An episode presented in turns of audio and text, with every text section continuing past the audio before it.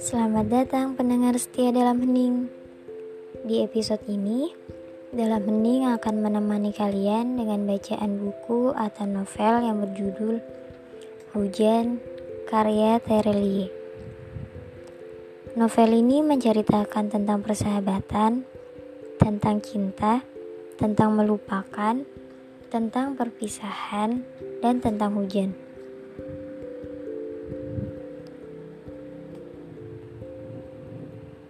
Dalam hening menemukan banyak sekali kata-kata indah dalam novel ini. Di antaranya yaitu Jangan pernah jatuh cinta saat hujan. Karena ketika besok lusa kamu patah hati, setiap kali hujan turun, kamu akan terkenang dengan kejadian menyakitkan itu. Nah, kata-kata ini diucapin sama temennya Lail yang bernama Maryam.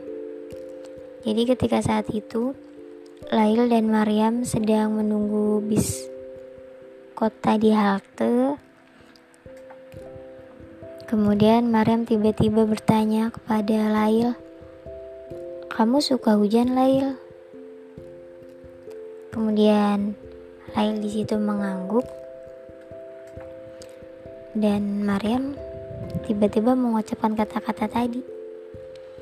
Tapi ini benar banget karena karena Lail jatuh cinta sama yang namanya esok. Itu emang ketika sering banget hujan turun.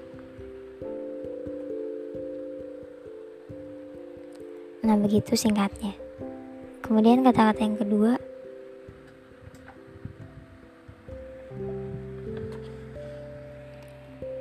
Tahu, ciri-ciri orang yang sedang jatuh cinta adalah merasa bahagia dan sakit pada waktu yang bersamaan. Merasa yakin dan ragu dalam satu helaan napas. Merasa senang sekaligus cemas menunggu hari esok.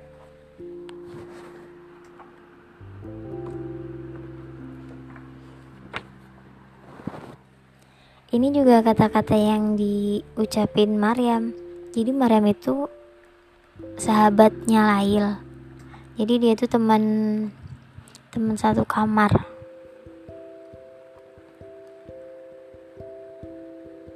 Nah, jadi ceritanya tuh Maryam nanya ke Lail, "Kamu mencintai Soke Batara kan?" Jadi Soke Batara itu esok iya orang-orang eh orang yang lagi disukain sama Lail.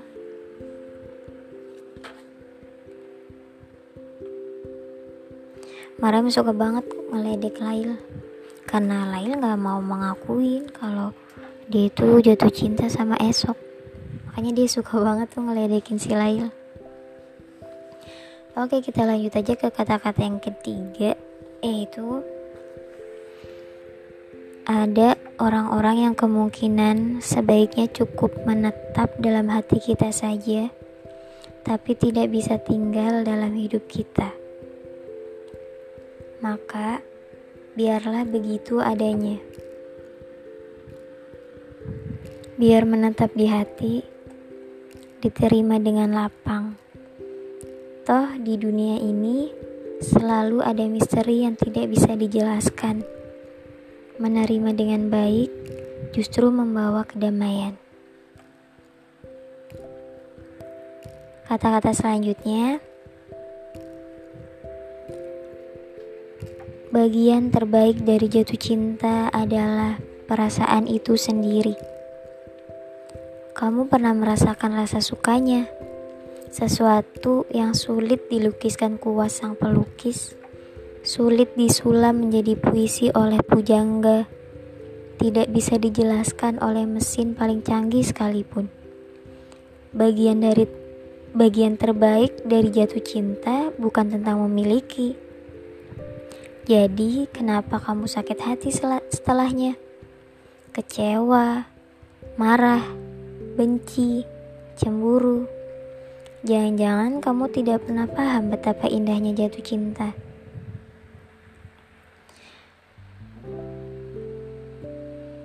Ini kata-kata bagus banget sih.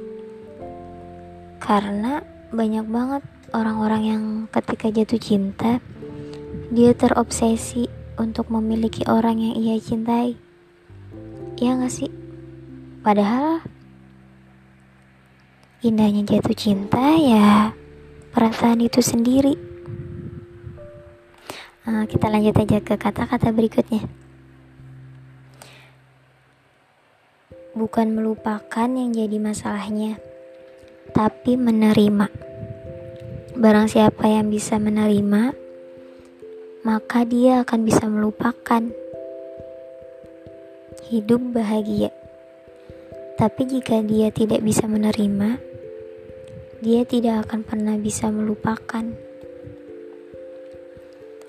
Nah, ini kata-kata terakhir yang diucapin sama Elijah di novel tersebut. Nah, itu aja kata-kata indah yang ditulis oleh Terelie dalam novel Hujan. Sebenarnya banyak banget kata-kata yang bikin terharu, bikin kita merinding gitu di novel Hujan. Tapi di episode kali ini, dalam hening hanya menyajikan lima saja kata-kata indah yang terdapat dalam novel Hujan. Kalau kalian penasaran dengan isi ceritanya, kalian bisa baca novelnya. Beneran ini bagus banget. Kalian gak bakal nyesel ketika beli atau pinjem dan baca novelnya karena sudah terbukti Terelie sudah menerbitkan banyak novel dan banyak banget novelnya yang bestseller dan ada beberapa yang sudah difilmkan. Baik itu saja. Terima kasih sudah mendengarkan dalam hening dari awal sampai akhir. Mudah-mudahan bisa menemani kalian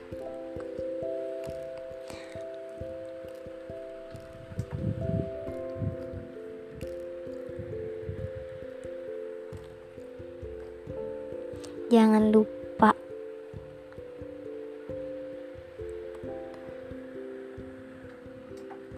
jangan lupa untuk mendengarkan dalam hening di episode-episode selanjutnya ya.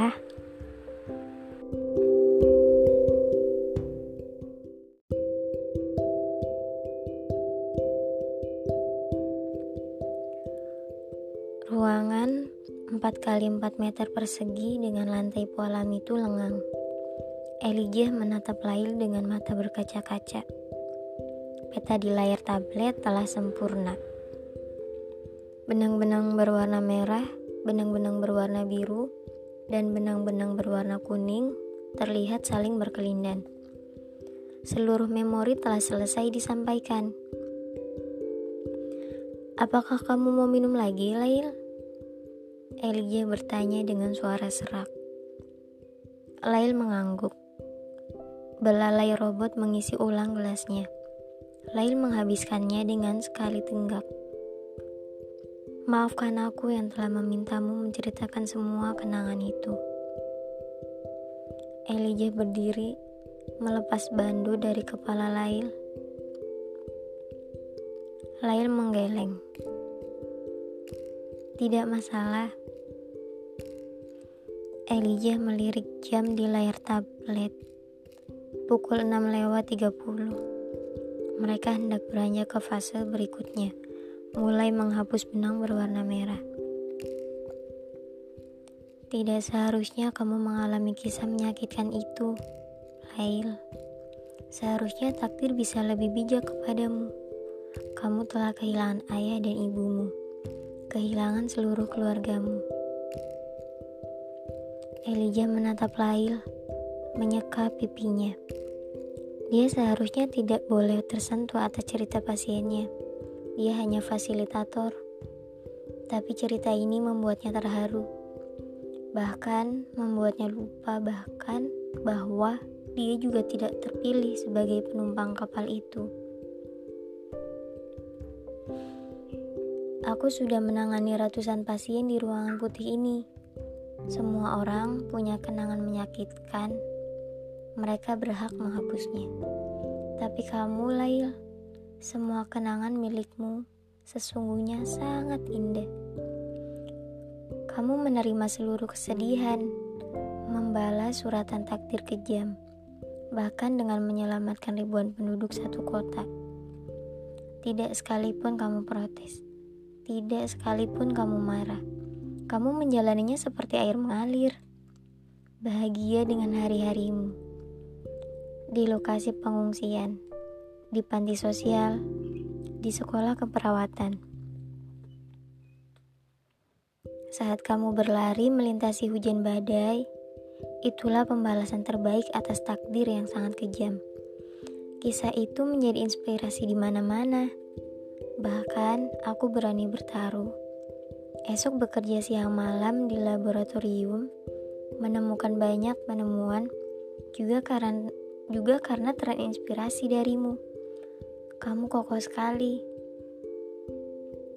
Tapi lihatlah, takdir kembali menyakitimu.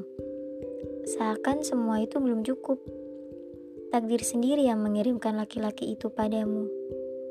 Hanya untuk di ujung cerita, direnggut begitu saja darimu.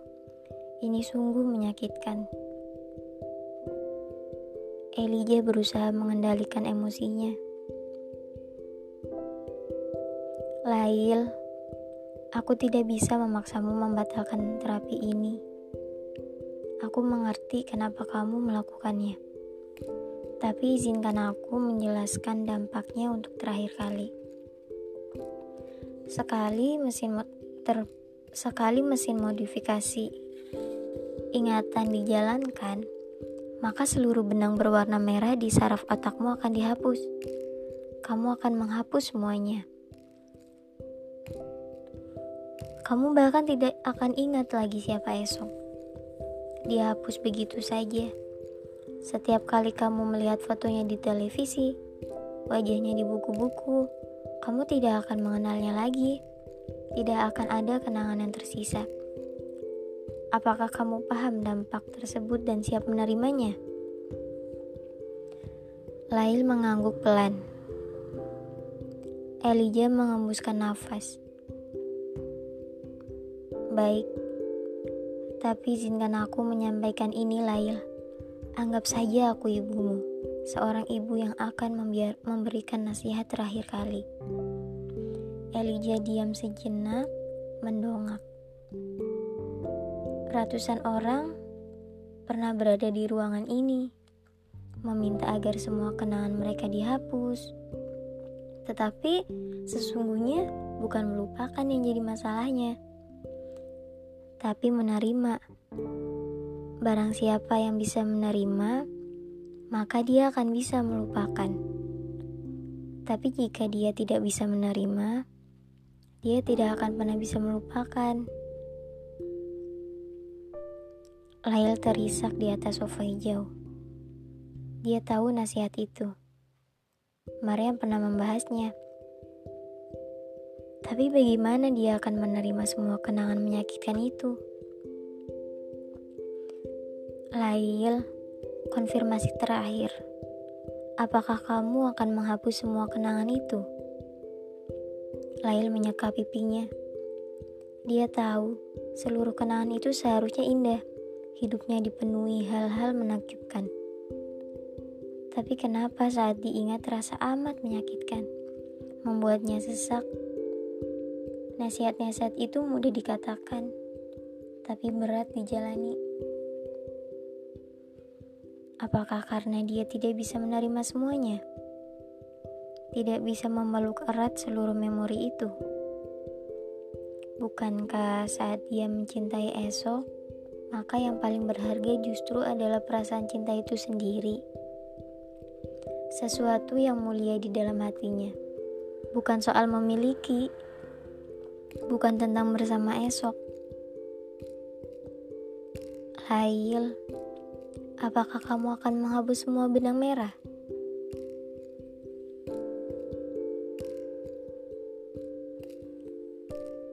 Di luar ruangan putih itu, di dekat tabung mesin yang menahannya masuk sepanjang malam.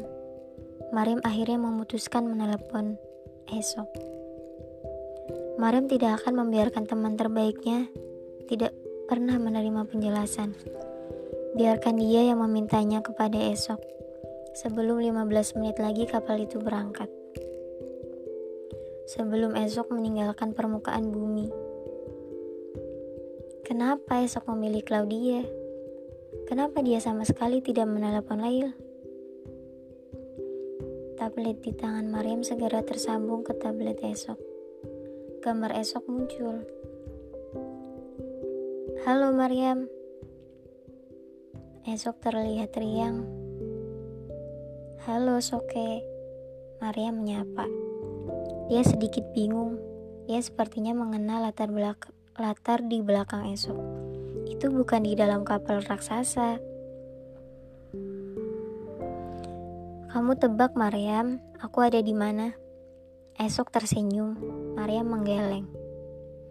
Aku ada di stasiun kereta kota kita, baru saja turun. Apakah Laila ada di sana? Mariam hampir tersadak. Bukankah kamu seharusnya ada di kapal itu sekarang? Kapal? Aku tidak ikut berangkat, Mariam. Lail bersamamu sekarang. Kamu ada di mana, Mariam? Ya Tuhan, apa yang sebenarnya terjadi? Bukankah kalau dia ikut bersamamu naik kapal?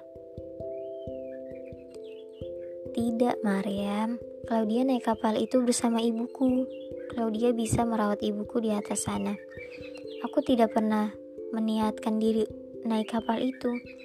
Hanya saja, kapal itu tidak bisa beroperasi tanpa kehadiranku. Satu bulan terakhir, sejak bicara dengan Lail, aku mencari cara agar aku tetap bisa berada di atas sana tanpa kehadiran fisik. Hal terakhir yang harus diselesaikan. Cloning saraf otak, itulah solusinya. Aku meminjam teknologi mesin modifikasi ingatan yang ditemukan beberapa tahun lalu. Aku memindahkan seluruh pengetahuanku ke salah satu mesin pintar, cloning tiruan otakku. Mesin itulah yang sekarang ikut kapal menggantikanku. Kamu di mana, Mariam? Lail di sana. Aku tidak bisa menghubunginya enam hari terakhir karena harus ter karena harus terus memasang pemindai di kepala, mentransfer semua ingatan. Tidak bisa dihentikan prosesnya. Semua harus selesai 6 jam lalu. Saat selesai, aku langsung naik kereta cepat untuk pulang. Ini akan membuat Lail terkejut bukan? Kami bisa menghabiskan waktu bersama tanpa diganggu proyek apa pun lagi. Mariam terduduk di lantai. Ini keliru. Aku ada di pusat terapi saraf. Ini sungguh keliru, Soke. Lain berpikir sebaliknya. Dia pikir kamu pergi bersama Claudia. Dia tidak tahan lagi. Dia memutuskan menghapus ingatan tentang dirimu. Aku tidak bisa mencegahnya. 15 menit lagi operasi itu dilakukan. Maafkan aku, Soke. Aku tidak bisa masuk ke ruangan operasi. Aku tidak bisa menghentikannya. Kamu bilang apa, Maryam? Esok berseru. Lail, Lail sedang menghapus ingatannya tentangmu. Ya Tuhan, esok panik, menyadari situasi, lalu berlari menuruni tangga stasiun kereta. Ada mobil mewah terparkir di lobi kedatangan. Esok memukul jendela kacanya, membuka pintu secara paksa. Tuan, aku harus memperingatkanmu. Mengendarai mobil milik orang lain adalah pelanggaran serius. Dikategorikan sebagai pencurian. Mobil itu berbicara. Otorisasi kode D210579. Aku Sok Hebatera. 80% teknologi terbang yang ada di mobilmu sekarang adalah hak patenku. Aku yang menemukannya. Aku berhak mengambil alih mobil apa pun. Segera terbang ke pusat terapi saraf. Otorisasi dikenali. Baik, Tuan. Harap kenakan sabuk pengaman. Mobil itu mengambang di atas jalanan aspal. Terbang secepat mungkin, bahkan kalaupun seluruh rodamu lepas. Baik, Tuan. Mobil itu sudah melesat meninggalkan stasiun kereta. Pemilik mobil yang baru saja kembali ke lobi stasiun berseru-seru, tidak mengerti kenapa mobilnya terbang. Tapi esok sudah terlambat. Di dalam ruangan, Lail sudah bersiap menghapus memorinya.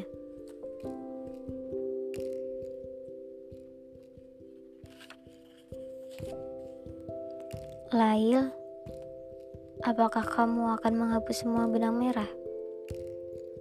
Elijah mengulang pertanyaannya. Dia butuh konfirmasi terakhir. Lail mengangguk. Elijah menghembuskan nafas. Baiklah, dia hanya petugas perantara, fasilitator. Keputusan pasien adalah perintah. Elijah mengetuk layar tabletnya. Persis ketika ketukan itu mengenai layar, lantai pualam bergerak cepat, terbuka. Lantas dari balik lantai keluar, lantas dari balik lantai keluar belalai-belalai elektrik yang membentuk mesin besar. Transformasi yang menakjubkan. Satu menit berlalu, sebuah mesin modifikasi ingatan sudah ada di tangan ruangan. Berwarna perak, tingginya hingga langit-langit ruangan. Sofa hijau tempat Lail berbaring bergeser, membawa kepala Lail persis masuk ke dalam tabung kristal mesin. Elijah menggigit bibir, sekali lagi menekan tombol. Cahaya biru menyelimuti kepala Lail. Mesin modifikasi ingatan telah bekerja. Buka pintunya, atau aku hancurkan. Esok berteriak kalap. Tuan, aku tidak bisa melakukannya. Tabung mesin di depan ruangan kubus menolaknya. Aku Soke Batera, pemegang lisensi kelas A sistem keamanan. Buka pintunya.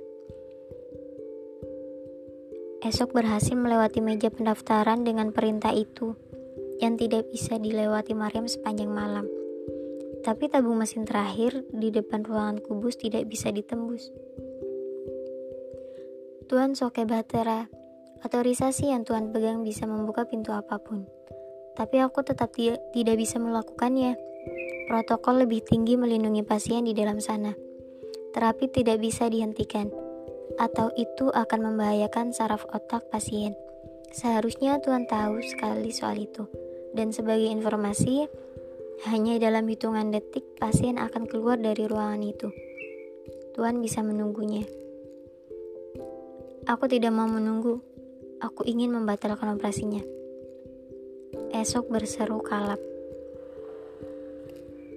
Pukul 7, esok tiba di pusat terapi saraf.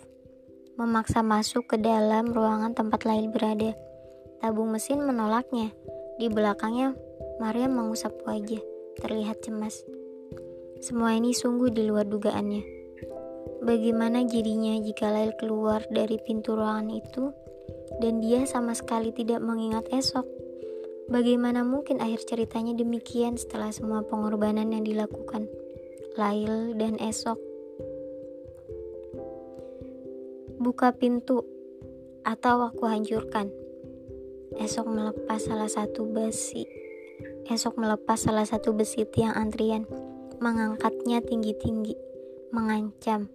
Esok tidak peduli jika itu termasuk tindakan serius terdengar suara mendesing pelan. Pintu itu akhirnya terbuka. Tapi bukan karena tabung mesin mengalah, melainkan Lail telah keluar dari sana di bimbing Elijah.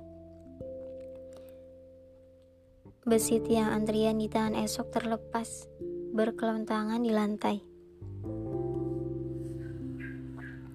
Lail, Lail, Mariam berlari memeluk teman sekamarnya. Air mata berlinang di pipinya. Mariam, Lail tersenyum menyapa. Kenangan atas Mariam utuh. Lail mengenalinya. Maafkan aku, Lail. Esok ikut mendekat. Melangkah dengan kaki gemetar. Maafkan aku yang membuat semua kesalahpahaman ini. Aku seharusnya memberitahumu sejak awal.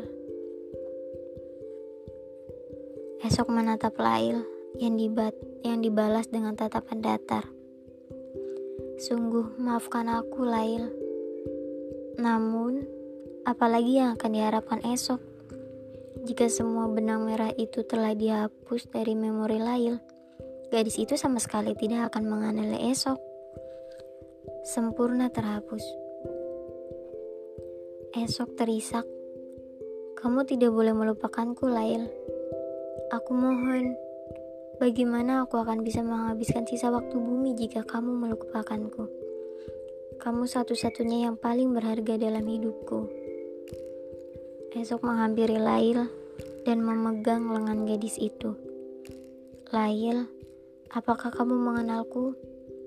Aku mohon, kembalilah. Lengang. Lail menatap esok masih dengan tatapan kosong. Lail, aku mohon, apakah kamu masih mengingatku? Esok mengguncang lengan Lail. Lail tiba-tiba tersenyum. Aku yang memberikan topi biru itu kepadamu esok. Maria menatap tidak percaya. Bukankah... Bagaimana caranya Lail bisa mengingat esok? Apakah mesin modifikasi ingatan itu rusak? Apa yang terjadi? Elijah mengangkat tabletnya, menunjukkan peta saraf milik Lail. Di detik terakhir, sebelum mesin itu bekerja, Lail memutuskan memeluk erat semua kenangan itu. Apa pun yang terjadi, Lail akan memeluknya erat-erat. Karena itulah hidupnya. Seluruh benang merah berubah menjadi benang biru seketika. Mesin modifikasi ingatan tidak pernah keliru. Dia bekerja sangat akurat, menghapus seluruh benang berwarna merah. Hanya saja, dalam kasus ini, Lail tidak lagi memiliki benang itu.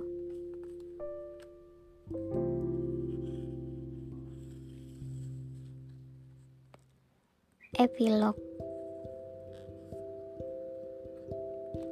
Di televisi, pemimpin empat negara mengumumkan tentang proyek kapal raksasa tersebut. Umat manusia akan tetap bertahan hidup, tidak di permukaan, tapi di angkasa luar.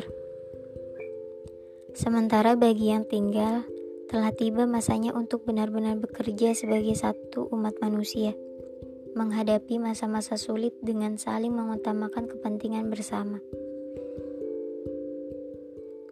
Penonton di rumah, di asrama, di panti, di kantor, berpegangan tangan mendengar seruan itu. Satu bulan kemudian, Esok dan Lail menikah di tengah terik matahari. Esok menggenggam erat jemari Lail berbisik. Kita akan melewati musim panas bersama-sama. Aku tidak akan pernah meninggalkanmu lagi. Lail mengangguk. Wajahnya terlihat sangat bahagia. Kutipan yang dibaca Maryam benar. Bukan seberapa lama umat manusia bisa bertahan hidup sebagai ukuran kebahagiaan. Tapi, seberapa besar kemampuan mereka memeluk erat-erat semua hal menyakitkan yang mereka alami. Elijah yang telah menangani ratusan pasien juga benar bukan melupakan yang jadi masalahnya, tapi menerima.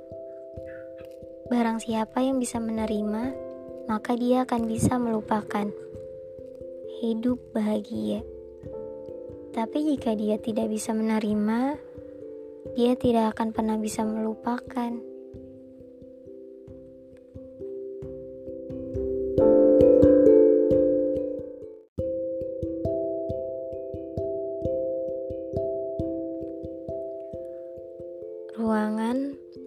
Kali 4 meter persegi dengan lantai polam itu lengang.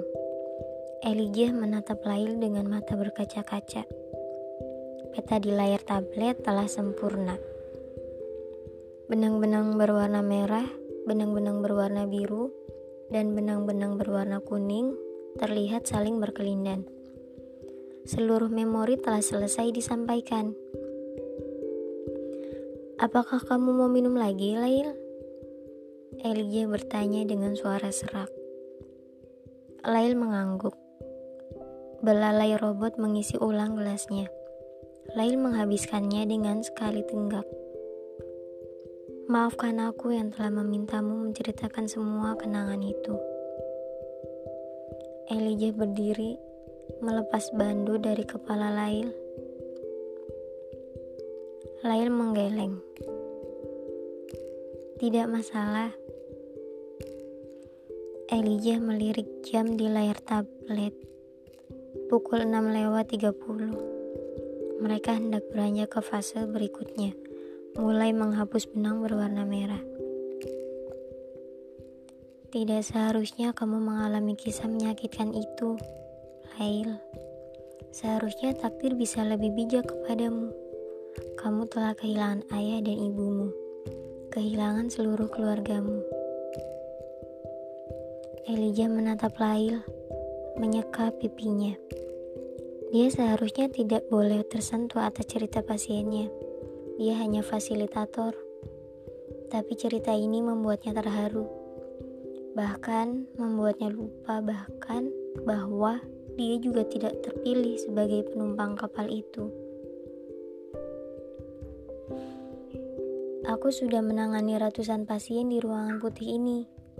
Semua orang punya kenangan menyakitkan. Mereka berhak menghapusnya.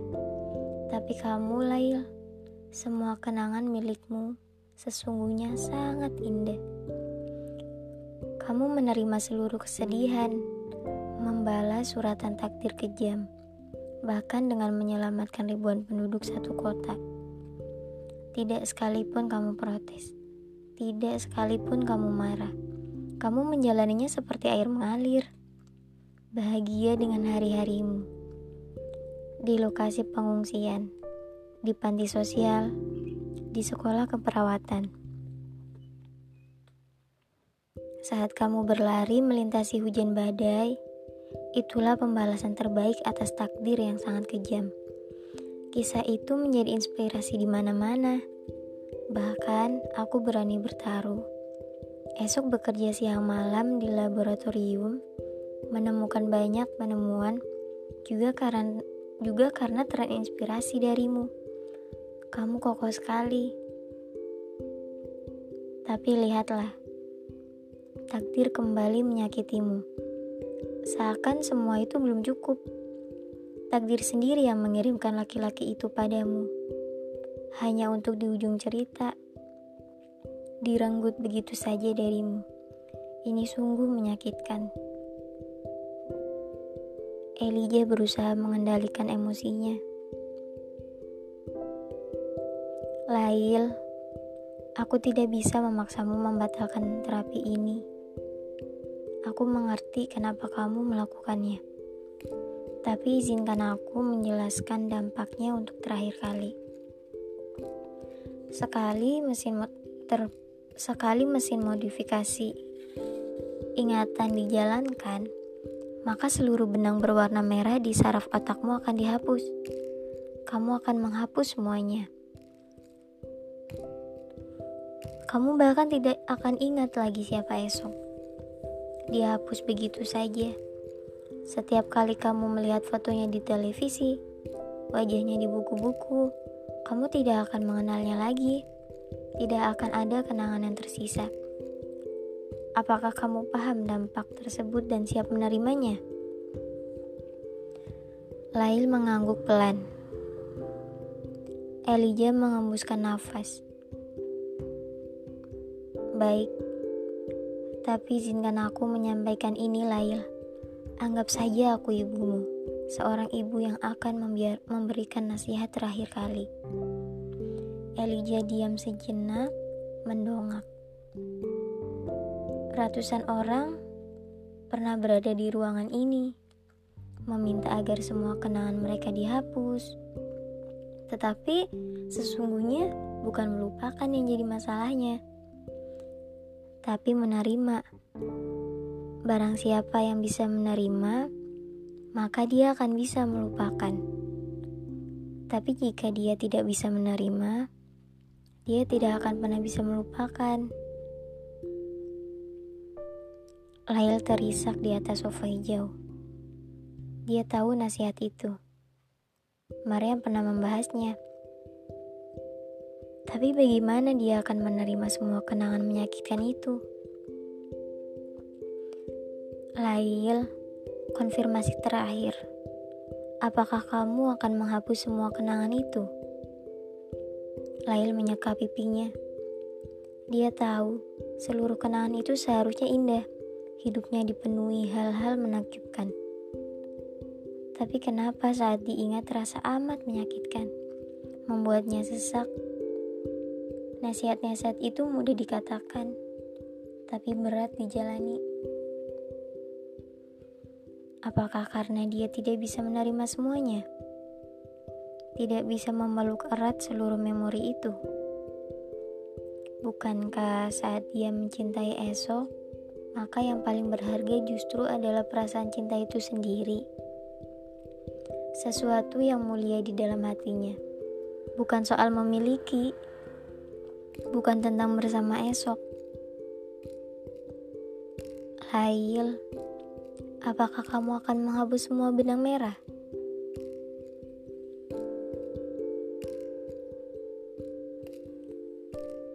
Di luar ruangan putih itu, di dekat tabung mesin yang menahannya masuk sepanjang malam, Mariam akhirnya memutuskan menelepon esok. Mariam tidak akan membiarkan teman terbaiknya tidak pernah menerima penjelasan. Biarkan dia yang memintanya kepada esok. Sebelum 15 menit lagi kapal itu berangkat. Sebelum esok meninggalkan permukaan bumi. Kenapa esok memilih Claudia? Kenapa dia sama sekali tidak menelepon Lail? Tablet di tangan Mariam segera tersambung ke tablet esok. Gambar esok muncul. Halo Mariam. Esok terlihat riang. Halo Soke. Mariam menyapa. Dia sedikit bingung. Dia sepertinya mengenal latar belakang latar di belakang esok itu bukan di dalam kapal raksasa. Kamu tebak, Mariam, aku ada di mana? Esok tersenyum, Mariam menggeleng. Aku ada di stasiun kereta kota kita, baru saja turun. Apakah Laila ada di sana? Mariam hampir tersadak. Bukankah kamu seharusnya ada di kapal itu sekarang? Kapal? Aku tidak ikut berangkat, Mariam. Lail bersamamu sekarang. Kamu ada di mana, Mariam? Ya Tuhan, apa yang sebenarnya terjadi? Bukankah kalau dia ikut bersamamu naik kapal? Tidak, Mariam. Claudia naik kapal itu bersama ibuku. Claudia bisa merawat ibuku di atas sana. Aku tidak pernah meniatkan diri naik kapal itu. Hanya saja, kapal itu tidak bisa beroperasi tanpa kehadiranku. Satu bulan terakhir, sejak bicara dengan Lail, aku mencari cara agar aku tetap bisa berada di atas sana tanpa kehadiran fisik. Hal terakhir yang harus diselesaikan. Cloning saraf otak, itulah solusinya. Aku meminjam teknologi mesin modifikasi ingatan yang ditemukan beberapa tahun lalu. Aku memindahkan seluruh pengetahuanku ke salah satu mesin pintar, cloning tiruan otakku. Mesin itulah yang sekarang ikut kapal menggantikanku. Kamu di mana, Mariam? Lail di sana. Aku tidak bisa menghubunginya enam hari terakhir karena harus ter karena harus terus memasang pemindai di kepala, mentransfer semua ingatan.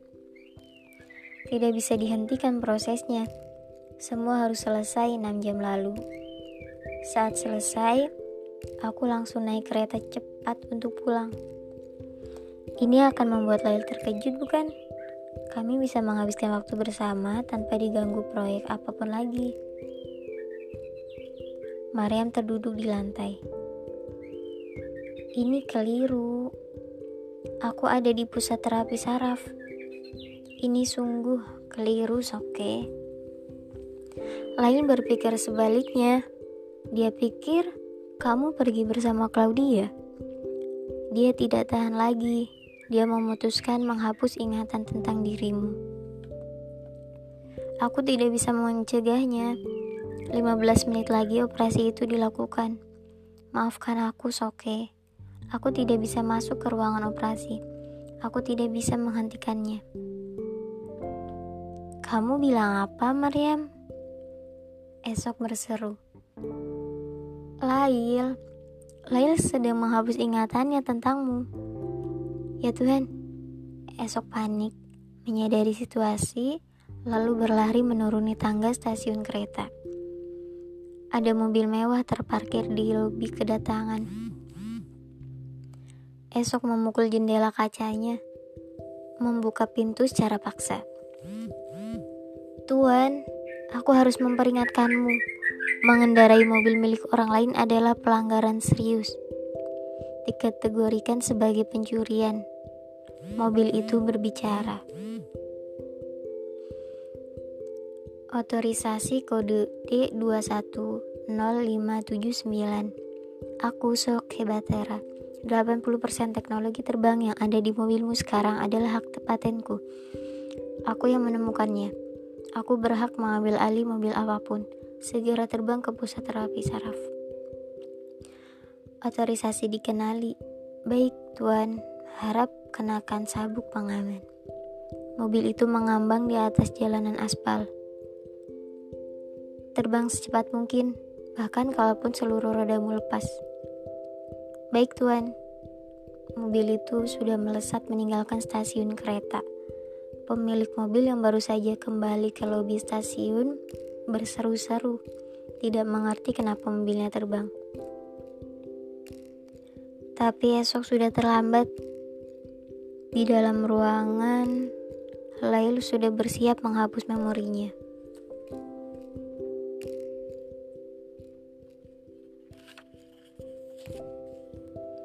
Lail, apakah kamu akan menghapus semua benang merah? Elijah mengulang pertanyaannya. Dia butuh konfirmasi terakhir. Lail mengangguk. Elijah menghembuskan nafas. Baiklah, dia hanya petugas perantara, fasilitator. Keputusan pasien adalah perintah. Elijah mengetuk layar tabletnya. Persis ketika ketukan itu mengenai layar, lantai pualam bergerak cepat, terbuka. Lantas dari balik lantai keluar lantas dari balik lantai keluar belalai-belalai elektrik yang membentuk mesin besar. Transformasi yang menakjubkan. Satu menit berlalu, sebuah mesin modifikasi ingatan sudah ada di tangan ruangan. Berwarna perak, tingginya hingga langit-langit ruangan. Sofa hijau tempat Lail berbaring bergeser, membawa kepala Lail persis masuk ke dalam tabung kristal mesin. Elijah menggigit bibir sekali lagi menekan tombol. Cahaya biru menyelimuti kepala Lail. Mesin modifikasi ingatan telah bekerja. Buka pintunya, atau aku hancurkan. Esok berteriak kalap. Tuan, aku tidak bisa melakukannya. Tabung mesin di depan ruangan kubus menolaknya. Aku Soke Batera, pemegang lisensi kelas A sistem keamanan. Buka pintunya. Esok berhasil melewati meja pendaftaran dengan perintah itu yang tidak bisa dilewati Mariam sepanjang malam. Tapi tabung mesin terakhir di depan ruangan kubus tidak bisa ditembus. Tuan Soke Batera, otorisasi yang Tuan pegang bisa membuka pintu apa pun. tapi aku tetap tidak bisa melakukannya. Protokol lebih tinggi melindungi pasien di dalam sana. Terapi tidak bisa dihentikan, atau itu akan membahayakan saraf otak pasien. Seharusnya Tuhan tahu sekali soal itu. Dan sebagai informasi, hanya dalam hitungan detik pasien akan keluar dari ruangan itu. Tuhan bisa menunggunya. Aku tidak mau menunggu. Aku ingin membatalkan operasinya. Esok berseru kalap. Pukul 7, esok tiba di pusat terapi saraf. Memaksa masuk ke dalam ruangan tempat Lail berada. Tabung mesin menolaknya. Di belakangnya, Maria mengusap wajah, terlihat cemas. Semua ini sungguh di luar dugaannya. Bagaimana jadinya jika Lail keluar dari pintu ruangan itu dan dia sama sekali tidak mengingat esok? Bagaimana mungkin akhir ceritanya demikian setelah semua pengorbanan yang dilakukan Lail dan esok? Buka pintu atau aku hancurkan. Esok melepas salah satu besi. Esok melepas salah satu besi tiang antrian, mengangkatnya tinggi-tinggi, mengancam Esok tidak peduli jika itu termasuk tindakan serius. Terdengar suara mendesing pelan. Pintu itu akhirnya terbuka. Tapi bukan karena tabung mesin mengalah, melainkan Lail telah keluar dari sana di bimbing Elijah. Besi tiang antrian di tangan esok terlepas, berkelontangan di lantai.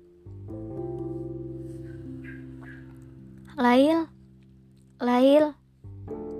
Mariam berlari, memeluk teman sekamarnya. Air mata berlinang di pipinya. Mariam, Lail tersenyum menyapa. Kenangan atas Mariam utuh. Lail mengenalinya. Maafkan aku, Lail. Esok ikut mendekat. Melangkah dengan kaki gemetar. Maafkan aku yang membuat semua kesalahpahaman ini. Aku seharusnya memberitahumu sejak awal. Esok menatap Lail yang dibat yang dibalas dengan tatapan datar. Sungguh maafkan aku Lail. Namun, apalagi yang akan diharapkan esok? Jika semua benang merah itu telah dihapus dari memori Lail, gadis itu sama sekali tidak akan mengenali esok sempurna terhapus. Esok terisak, kamu tidak boleh melupakanku, Lail.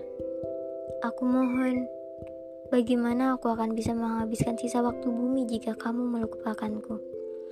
Kamu satu-satunya yang paling berharga dalam hidupku. Esok menghampiri Lail dan memegang lengan gadis itu. Lail, apakah kamu mengenalku? Aku mohon, kembalilah. Lengang. Lail menatap esok masih dengan tatapan kosong. Lail, aku mohon, apakah kamu masih mengingatku? Esok mengguncang lengan Lail. Lail tiba-tiba tersenyum. Aku yang memberikan topi biru itu kepadamu esok. Maria menatap tidak percaya. Bukankah bagaimana caranya Lail bisa mengingat esok? Apakah mesin modifikasi ingatan itu rusak? Apa yang terjadi? Elijah mengangkat tabletnya, menunjukkan peta saraf milik Lail. Di detik terakhir, sebelum mesin itu bekerja, Lail memutuskan memeluk erat semua kenangan itu. Apa pun yang terjadi, Lail akan memeluknya erat-erat.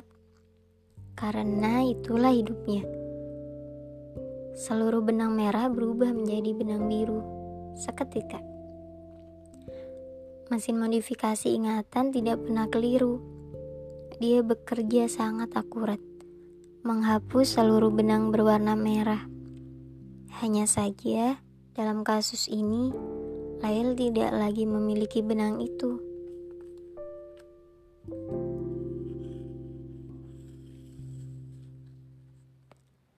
Epilog Di televisi, pemimpin empat negara mengumumkan tentang proyek kapal raksasa tersebut.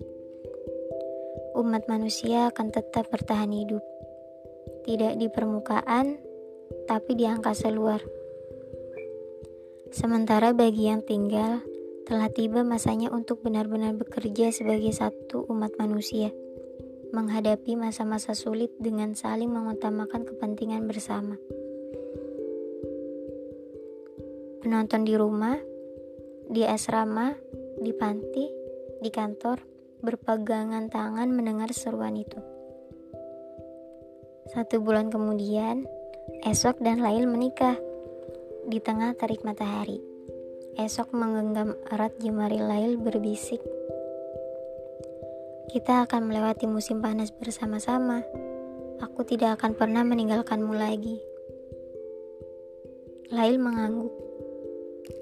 Wajahnya terlihat sangat bahagia. Kutipan yang dibaca Maryam benar. Bukan seberapa lama umat manusia bisa bertahan hidup sebagai ukuran kebahagiaan, tapi seberapa besar kemampuan mereka memeluk erat-erat semua hal menyakitkan yang mereka alami. Elijah yang telah menangani ratusan pasien juga benar bukan melupakan yang jadi masalahnya, tapi menerima.